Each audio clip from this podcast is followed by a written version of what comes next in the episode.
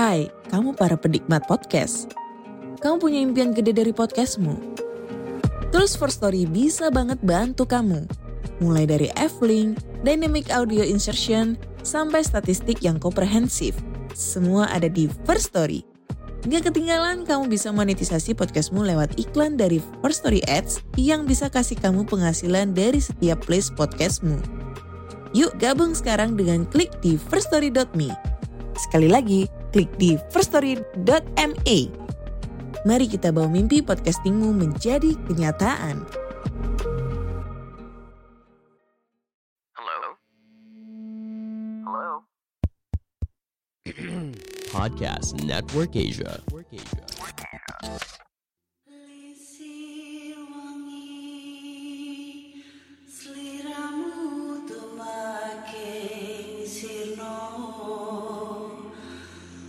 Ojo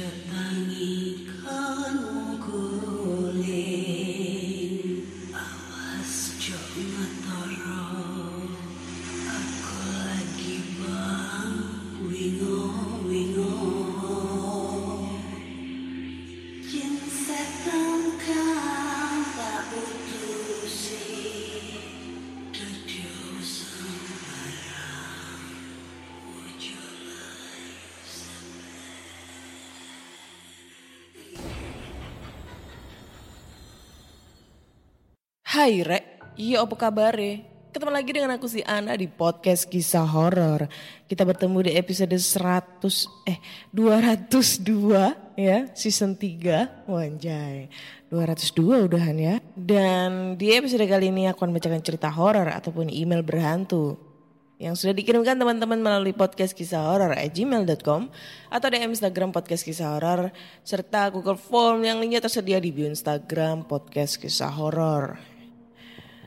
Eh, sering berjalannya waktu. Gue kalau ngelihat analitik apa itu podcast ya, podcast gue di Spotify itu sangat sangat eh, bagiku ya memuaskan banget. Di noise juga udah mulai banyak perkembangan. Eh, udah hampir 3000 sub- eh belum dong. 2500 subscriber. Kalau di Spotify udah hampir 30.000 follower. Wah banyak banget ya udahan. Kalau di total itu mungkin ada sekitar 35.000 hampir 35.000 follower eh, podcast gua di Spotify sama di Noise. Gua belum tahu di Anchor belum tahu yang ada di Apple Podcast ada lagi yang di eh mana? Google Podcast terus lain-lainnya. Itu ada berapa gitu ya? Gue nggak tahu. Tapi kalau misalnya udah dari dua platform aja udah segitu banyaknya ya wah kayak berasa nggak nyangka banget gitu loh kalau gue udah banyak eh, apa ya kalau podcast gue itu lumayan banyak yang suka kayak gitu. Ih, love you guys kayak gitu ya. Terus gue kemarin juga ada pengalaman nih anjir. Ini lucu kalau gue ngira sih lucu ya. Jadi eh, kapan hari itu ada yang nge DM eh, apa namanya Hai Kak Ana, kenalin aku penggemar baru dari podcast kisah horor gitu. Nama gue bla bla bla, gue nggak mau nyebutin nama ya. Terus dia tuh cewek. Habis itu kan gue tuh kan lama tuh respon DM, ya kan? Apalagi yang masih di permintaan gitu kan, DM di permintaan. Terus dia tuh nge, DM lagi kayak gini.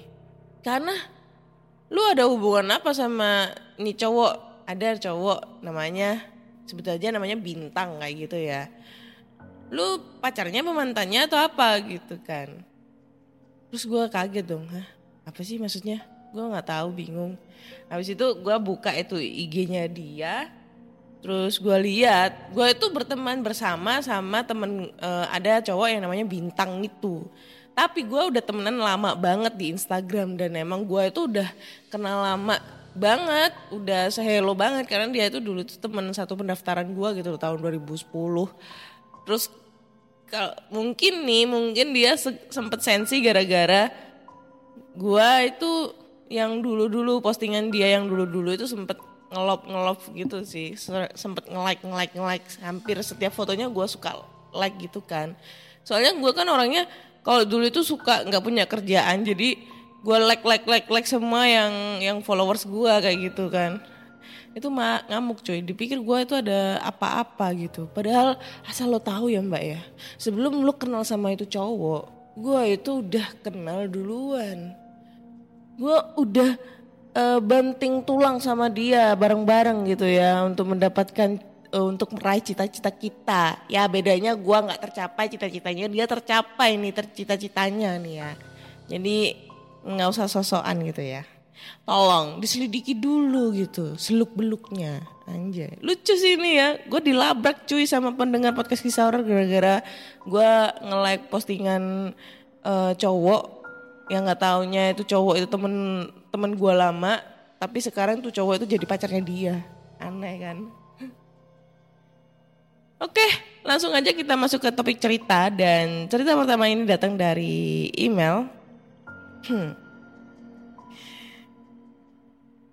Judulnya adalah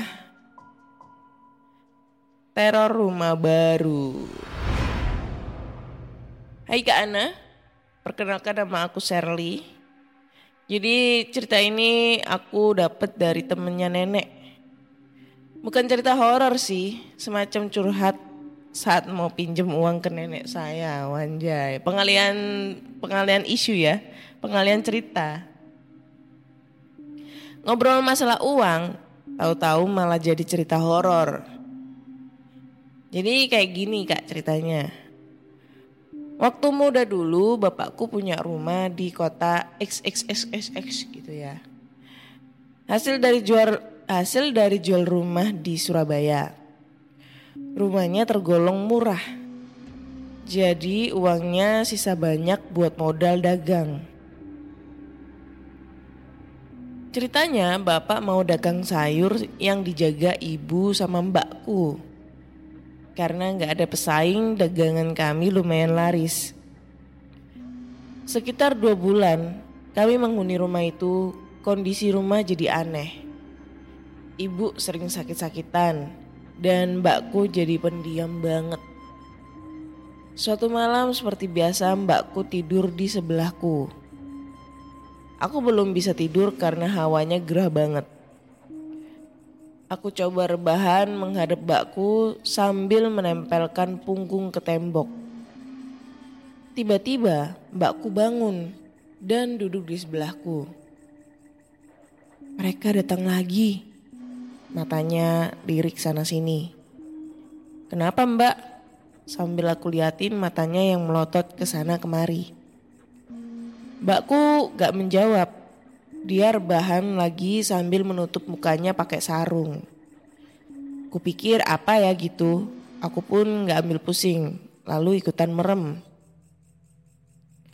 Pernah suatu malam pas bapak ngantar ibu berobat di ke luar kota, aku dan mbakku sendirian di rumah. Mbakku lirik sana sini kayak nyari sesuatu. Aku nggak ambil pusing. Yang mana tadi ya? Oh, aku nggak ambil pusing. Aku pamit ke mbakku mau ke kamar mandi. Tapi mbak nggak ngebolehin. Bahaya katanya. Aku sih ngeyel aja, ngotot mau ke belakang. Kalau gak dibolehin bakal pipis di kamar. Eh, mbakku malah nyuruh pipis di situ aja. Aku mah ogah, langsung tancap gas ke WC. Lokasi WC itu setelah dapur. Pikirku sebelum pipis comot dulu tempe goreng di atas meja makan. Pas di depan pintu dapur aku lihat ada laba-laba gede banget. Ukurannya seukuran orang dewasa. Dia nempel di tembok pas di atas tempe goreng. Laba-laba ini aneh. Kakinya cuma empat dan badannya ditutupi rambut. Aku kaget dan lari ke arah mbakku. Lalu aku bilang kalau ada laba-laba gede. Mbakku langsung teriak pakai bahasa Jawa kasar. Ojo ganggu adikku, su, asu. Tak keprok sapu raimu. Yang artinya, jangan ganggu adikku anjing. Kupukul kamu pakai sapu. Ini beneran ya ada kata anjingnya ya dia. Aku sih nggak paham soal gaib-gaiban begitu. Kupikir itu benar-benar binatang besar. Agak larut malam dikit, aku dan mbakku ada ada yang terpejam. Kami saling diam. Mbakku sepertinya tegang banget. Gak berapa lama terdengar suara dengkuran dari kamar bapak dan ibu. Mbakku tambah tegang. Soalnya kamar itu lagi kosong. Belum selesai sampai di situ. Tahu-tahu di kamar mandi terdengar suara orang jebar-jebur. Wis, aku sama mbakku cuma bisa diam. Mbakku yang tadinya naik pitam malah jadi mengkerut. Zaman segitu masih pakai lampu kuning. Lampu itu bisa goyang-goyang kayak dibuat mainan. Mbak melotot tajam. Matanya lirik sana sini. Lagi tegangnya iseng-iseng aku lihat langit-langit. Mbak, itu laba-labanya di atas. Aku rangkul mbakku. Langsung tanganku ditarik keluar kamar. Aku diajak ke pintu keluar. Pas di depan pintu ada semacam hitam-hitam berdiri di dekat pintu dapur. Satu kejadian yang masih bikin aku ngeri. Pas udah di luar kamar, tahu-tahu dari atas jatuh pocong. Pas banget di antara kami. Aku sampai ngompol saking kagetnya. Mbakku mencoba menghindari pocong, tapi si pocong keburu bangun, lalu aku gak inget apa-apa lagi. Bangun-bangun udah rame banget. Ada bapak juga dan mbakku nangis terus. Aku juga lihat ada mbah-mbah pakai baju koko sama peci. Setelah itu aku diajak bapakku keluar sama mbakku juga. Pas di luar ada beberapa orang juga pakai baju koko kayak santri. Mereka teriak-teriak sambil baca doa. Lalu samping rumah dicangkul dan tanahnya dimasukin kresek. Setelah agak lama dari kejadian itu, aku nanya ke bapak. Kata bapak, rumah kami ini dikirimi santet, tanah kuburan sama orang. Kata bapak, orang ini iri karena bapak menang nego sama pemilik rumah terdahulu. Orang itu berniat bikin kami gak betah. Bentar-bentar, Mak, Bude, makhluk laba-laba itu apa? Ini ada lanjutannya ya. Terus nasib si pengirim itu gimana? Tanyaku pada Bude temennya nenek. Aslinya itu bukan laba-laba. Itu orang yang tubuhnya dililit rambut. Berhubung dia merayap di tembok, jadi kukira laba-laba. Kalau soal pengirim, aku nggak ngurusin dia. Kenal aja enggak. Terus Bude lihat wajahnya si laba-laba. Kata Bude wajahnya ketutup rambut. Tapi matanya nyala merah redup. Yang parah itu mbakku. Dia udah lihat banyak sejak hari pertama. Apa aja Bude? Tanyaku. Seingatku sih dia pernah bilang lihat ada makhluk mirip kunti, tapi nggak pakai daster. Lidahnya menjulur dan menjelati lubang WC. Anjir. Lalu dia bilang kalau pocong yang jatuh itu aslinya ada banyak. Mereka bergelantungan di langit-langit mirip orang gantung diri. Sekian cerita dari aku kak. Mohon maaf kalau ceritanya kepanjangan dan kurang serem.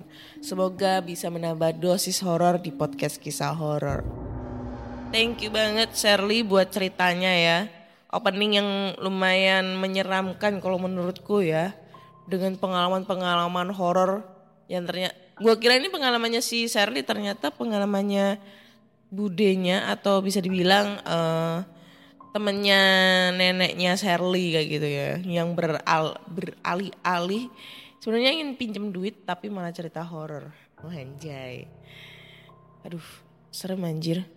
Gue yang sosok paling serem yang di- dilihat si mbaknya adalah sosok kunti yang nggak pakai baju tapi eh, lidahnya panjang lagi jilat-jilat lagi jilat-jilat lubang WC seketika gue lah bentar lagi nih gue pasti mau ngeliat lubang WC gue dan gue mau tutup itu lubang WC ya kan.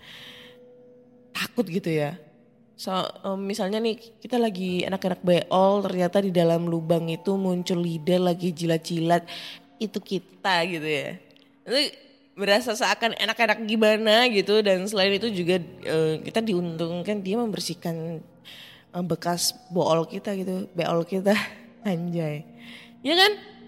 Terus lagi uh, gue paling sebenarnya gue tuh kalau masalah suara-suara ya, suara-suara goib gue belum pernah menemukan uh, belum pernah menemui cuma kalau uh, sering dengar dari cerita mamaku sering dengar dari cerita-cerita dari pendengar podcast kisah horor gitu.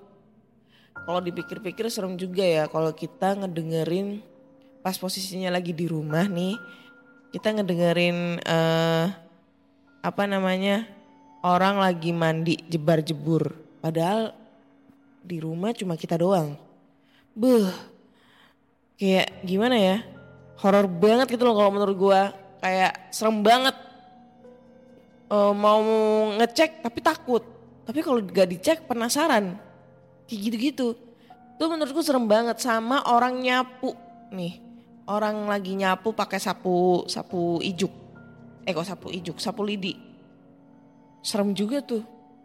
Karena gue sering ngedapetin cerita dari pendengar podcast kisah horor sama uh, teman-teman gua suka ngedengerin uh, orang lagi nyapu gitu ya. Yang katanya sih kalau kita ngedengerin orang lagi nyapu tandanya ada kuntilanak yang mau berkunjung ke rumah kita. Buh, serem anjir, ya kan? Hmm, oke, lanjut ke cerita berikutnya ya. Oke. Jadi cerita berikutnya ini datang dari email. Uh, ini datang dari yang namanya Lisa. Dan dia cerita tentang pengalaman budenya. Oke. Okay. Hai Kak Ana, langsung aja ke topik cerita ya. Kali ini gue mau nyeritain tentang pengalaman budeku. Hari itu budeku sedang ada hajat di rumah tetangga. Beliau membantu keperluan konsumsi untuk para tamu. Aktivitas itu berlangsung dari pagi hingga malam. Saat menjelang maghrib, si Bude ini sadar kalau cuciannya belum dimasukkan. Inginnya izin pulang dulu. Tapi sedang di depan kompor. Bingunglah dia. Pas galau terdengar suara anaknya Anaknya waktu SD emang sering main-main di sekitar sana. Karena tetangga yang punya hajat itu sahabatnya. Dipanggillah anaknya oleh budenya. Eh budeku. Budenya. Dengan iming-iming uang jajan. Anaknya diminta mengangkat jemuran bersama anak tetangga yang udah SMP. Langit sudah agak muncul gurat-gurat kemerahan. Dua orang anak kecil berjingkat-jingkat di belakang rumah. Lokasi jemuran berada di halaman belakang rumah dan harus melewati dapur sekunder yang terpisah dari rumah utama. Kakak sepupu dari Nia, sebut saja anak dari budi aku ya kak. Uh, ini tampak gelisah dia ambil jemurannya dengan tergesa-gesa. Sedangkan posisi mereka berhadapan dihalangi oleh tiang jemuran dan beberapa pakaian. Sebagian besar jemuran dibawa oleh sepupunya sedangkan Nia ditinggal di belakang mengambil sisanya. Saat Nia masuk ke dapur sekunder, si sepupu ini berlari masuk ke rumah utama. Tinggallah Nia sendirian karena panik ditinggal tanpa sadar, dia mempercepat langkahnya. Sampai gak sengaja menyenggol sebuah mangkuk berisi abu dan garam. Pintu ke arah jemuran tiba-tiba terbanting. Memang hari itu angin lumayan kenceng. Bahkan suara angin pun terdengar dari celah pintu dan jendela. Nia saat itu mematung. Masih kaget dengan suara pintu. Tak lama Nia tersadar dari syoknya. Mendapati kakak sepupunya berdiri di depan pintu ke arah rumah utama. Lalu dia tersenyum, eh lalu dengan tersenyum dia menutup pintu dari luar. Nia berusaha membuka, tapi pintu seperti ditahan. Nia berteriak memanggil kakak sepupunya itu, namun gak ada respon. Masih ingat suara angin? Awalnya cuma terdengar seperti angin yang melewati celah. Namun semakin lama mirip sebuah rintihan. Kondisi ruangan masih belum gelap seutuhnya. Nia! Terdengar suara orang memanggil. Suaranya unik antara wanita dan pria jadi satu. Nia panik, lalu berjongkok menutup telinganya. Tak lama suara rintihan angin berubah jadi suara tangisan bayi. Nia yang ketakutan ikutan nangis. Dibenamkan kepalanya di dalam jemuran sambil menutup mata dan telinga. Saat itu momen yang paling mengerikan bagi Nia ada yang mengelus kepalanya. Elusannya agak kasar dan sangat dingin.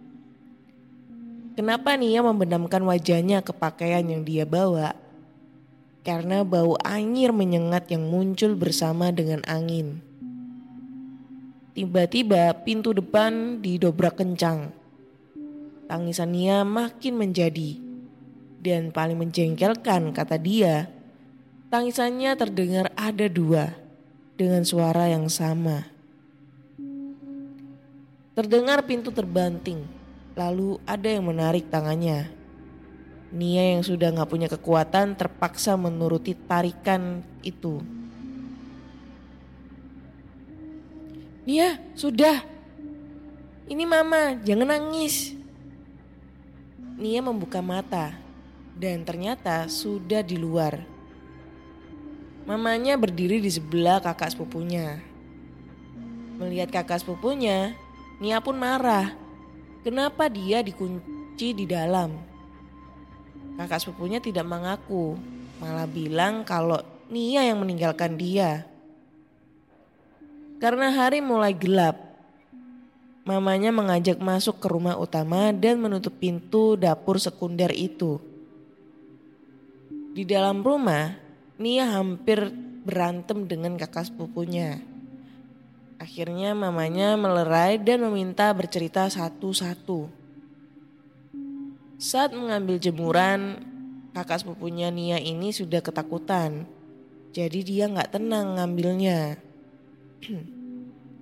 Tiba-tiba Nia nyelonong dari samping tiang dan berlari ke arah dapur sekunder. Karena takut, si kakak sepupu ini juga ikutan kabur. Itu sebabnya bajunya masih tertinggal di jemuran. Setelah masuk dapur, Mia masih berlari keluar dan berbelok ke balik dinding. Si kakak ini ngikutin Lisa. Eh, salah. Si Nia, kok Lisa jadinya? Lisa yang ngirim cerita anjir. Saat di luar, Nia sudah nggak ada. Si kakak ini lantas berlari lalu melempar jemuran ke atas sofa dan kabur keluar menuju ibunya. Di sana dia cerita kalau Nia hilang di dalam rumah. Akhirnya, um, mana nih? Oh iya, akhirnya bude aku dan kakak sepupu kembali. Awalnya bingung mau mencari ke mana. Untungnya ada suara tangisan Nia. Tadi mbak yang kunciin pintunya. Sambil mesem dia nutup pintu. Ujar Nia. Sumpah nih, aku dari tadi tuh, eh aku tadi lari pas kamu lari. Ujar kakak sepupunya. Aku gak lari tadi. Mbak yang ninggalin aku. Nia masih kesel. Mamanya pun segera bilang kalau itu tadi ulah makhluk halus penunggu dapur tadi yang menyamar sebagai mereka. usut punya usut, dulu pernah ada maling yang dikejar warga. Maling ini terluka lumayan serius. Tapi the power of kepepet, dia masih bisa kabur dengan memanjat dahan pohon di samping luar tembok jemuran. Berhasil menaiki tembok, tapi tidak dengan landingnya. Si maling ini terjun bebas ke tempat jemuran. Walaupun begitu, dia sempat masuk ke dalam dapur yang mungkin lupa belum terkunci. Besok paginya dia ditemukan tewas, separuh badannya di luar dan kepalanya di dalam. Sejak saat itu sering ada kejadian aneh di dapur, bahkan hampir seluruh rumah. Lalu bapak memanggil orang pintar, katanya makhluk-makhluk ini nggak bisa diusir karena membawa emosi yang besar. Akhirnya mereka ditahan dengan media garam dan abu gosok yang ditaruh di pojok pintu supaya tidak terlalu intens gangguannya. Kata paranormal menjelang akhir si maling, rasa takutnya, bencinya, marahnya dicampur rasa putus asa yang dalam. Itulah yang mengundang demit-demit level tinggi ini. Energi negatif itu yang menjadi santapan para demit di sana. NB, supaya rumah kita aman dari gangguan malu goib, perbanyak energi positif. Contohnya dengan beribadah dan diciptakan lingkungan yang nyaman bagi keluarga. Oke, ceritanya udah selesai. Eh, dan menurutku, ini kayak endingnya tuh kayak berasa kayak di film-film ya. Jadi si maling ini mati, terus si maling itu mempunyai mempunyai dendam, kesal, putus asa bercampur jadi satu, menumbuhkan suatu energi-energi negatif akhirnya menimbulkan banyak eh, makhluk halus di sana yang ingin ber- membalas dendam. Wanjay. Film banget gitu ya. Tapi eh, entah itu real atau enggak, gua nggak tahu. Tapi gua menghindari kata-kata yang bisa dihujat sama netizen. Gua mau ngomong halu tapi ya takut ya, takut banget gitu. Karena gua masih nyari san- sandang pangan di sini. Hai. Tapi ya tidak disi. Gua kok ini kayak di desa gua cuy. Dulu gua punya desa, eh gua punya desa. Di desa gua itu di daerah Nganjuk ya. Eh, zaman dulu tuh dulu banget waktu gua masih kecil juga punya dapur yang kayak gitu. Jadi dapurnya itu kepisah sama rumah. Di belakang gitu dapurnya. Yang dia itu dapurnya itu jadi satu sama kamar mandi tapi ada ruangan tersendiri gitu di belakang. Ya tahu sendiri ya. Kalau semisalnya kita punya dapur yang posisinya itu kepisah dari rumah, terus jadi satu sama kamar mandi, tempatnya itu di belakang, kita harus melewati kebun dulu, ke ke gak kebun sih, halaman belakang untuk menuju dapur malam-malam, yang kanan kirinya kebun, terus posisi dapurnya selalu mati tuh lampunya ya. Kebayangkan seremnya kayak gimana? Karena dapur yang gue tempatin, eh dapur yang gue tempatin, dapur punya nenek gue dulu itu, eh apa ya? Jarang banget orang ke situ gitu loh. Paling ya aktivitasnya cuma pagi sampai siang doang kalau masak atau apa gitu ya. Tapi kalau udah malam itu udah gak ada yang ke sana gitu. Kalau ke kamar mandi nih, kalau ke kamar mandi itu minim ya minimal bawa tiga atau dua orang gitu buat nemenin ya. Karena ya emang serem cuy. Zaman dulu tuh eh apa ya? Masih sepi gitu, sepi suasananya. Beda sama sekarang. Kalau sekarang kan udah padat penduduk, terus kendaraan-kendaraan apa segala macam. Eh kalau sekarang tuh sepi banget. Eh kalau sepi, kalau sekarang, kalau dulu tuh sepi banget jam 7 itu udah hawanya tuh udah beda banget kayak gitu-gitu. Gua dulu ku kalau misalnya untungnya gua dulu masih kecil ya, masih kecil masih TK gitu. Jadi kalau misalnya gua kebelet pipis itu gua nggak mau ke dapur, ke kamar mandi yang deket dapur. Gua selalu milih pipis di luar. Bodoh amat gitu lah dilihat orang ya. Tapi seenggaknya gua nggak ke dapur kayak gitu. Kan masih kecil coy. Jadi kalau masih kecil itu masih suci ya, masih suci jadi tidak punya dosa apa-apa gitu ya. kalau umur gue segini terus misalnya gue pulang lagi ke rumah nenek gue dan gue pipis di situ ya gue mempunyai dosa yang sangat besar karena mengundang hawa nafsu orang-orang yang lewat di sana ya wanjay kayak gitu cuy. Jadi serem banget gitu loh. Kalau misalnya kita punya dapur tapi dapurnya tuh terpisah. Kayak kita tuh harus melewati melewati apa ya melewati suatu sumber masalah dulu untuk nyampe ke sana. Sedangkan udah nyampe sana kita mendapatkan masalah baru yang lebih besar. Gitu kurang lebihnya coy. Oke, thank you banget buat cerita-cerita kalian di hari Sabtu ini. Ceritanya keren-keren sih, gue akuin keren. Cuma yang terakhir ini yang ngebuat gue kayak, ah, kayak film banget, hah, kayak gitu tuh adalah ceritanya yang tentang si maling sebelum meninggal dia punya begini begini begini. Kayak ngerasa gue tuh kayak kayak apa ya kayak nggak menyakinin kalau itu menjadi horor lagi gitu loh. Malah balik tidak horor gitu dengan kata-kata seperti itu. Hah. mungkin pendapat kalian sama kali ya sama gua. Ya langsung aja komentar di kolom komentar di noise gitu ya.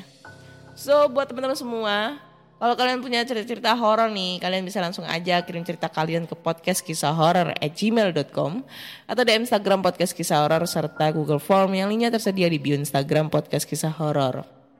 Jangan lupa dengerin podcast kisah horor di Spotify, Google Podcast, Apple Podcast, serta di Noise. Dan jangan lupa kasih rating bintang 5 untuk podcast kisah horor di Spotify. Karena kasihan, karena kalian semua udah bisa ngasih rating tertinggi nih bintang. Rating bintang untuk podcaster kesayangan kalian. Akhir kata saya Ana undur diri dan terima kasih sudah mendengarkan podcast kisah horor. Bye-bye.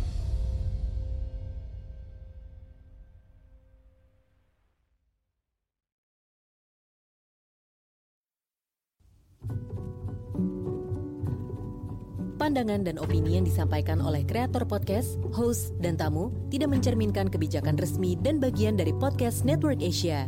Setiap konten yang disampaikan mereka di dalam podcast adalah opini mereka sendiri dan tidak bermaksud untuk merugikan agama, grup etnik, perkumpulan, organisasi, perusahaan, perorangan, atau siapa pun dan apa pun.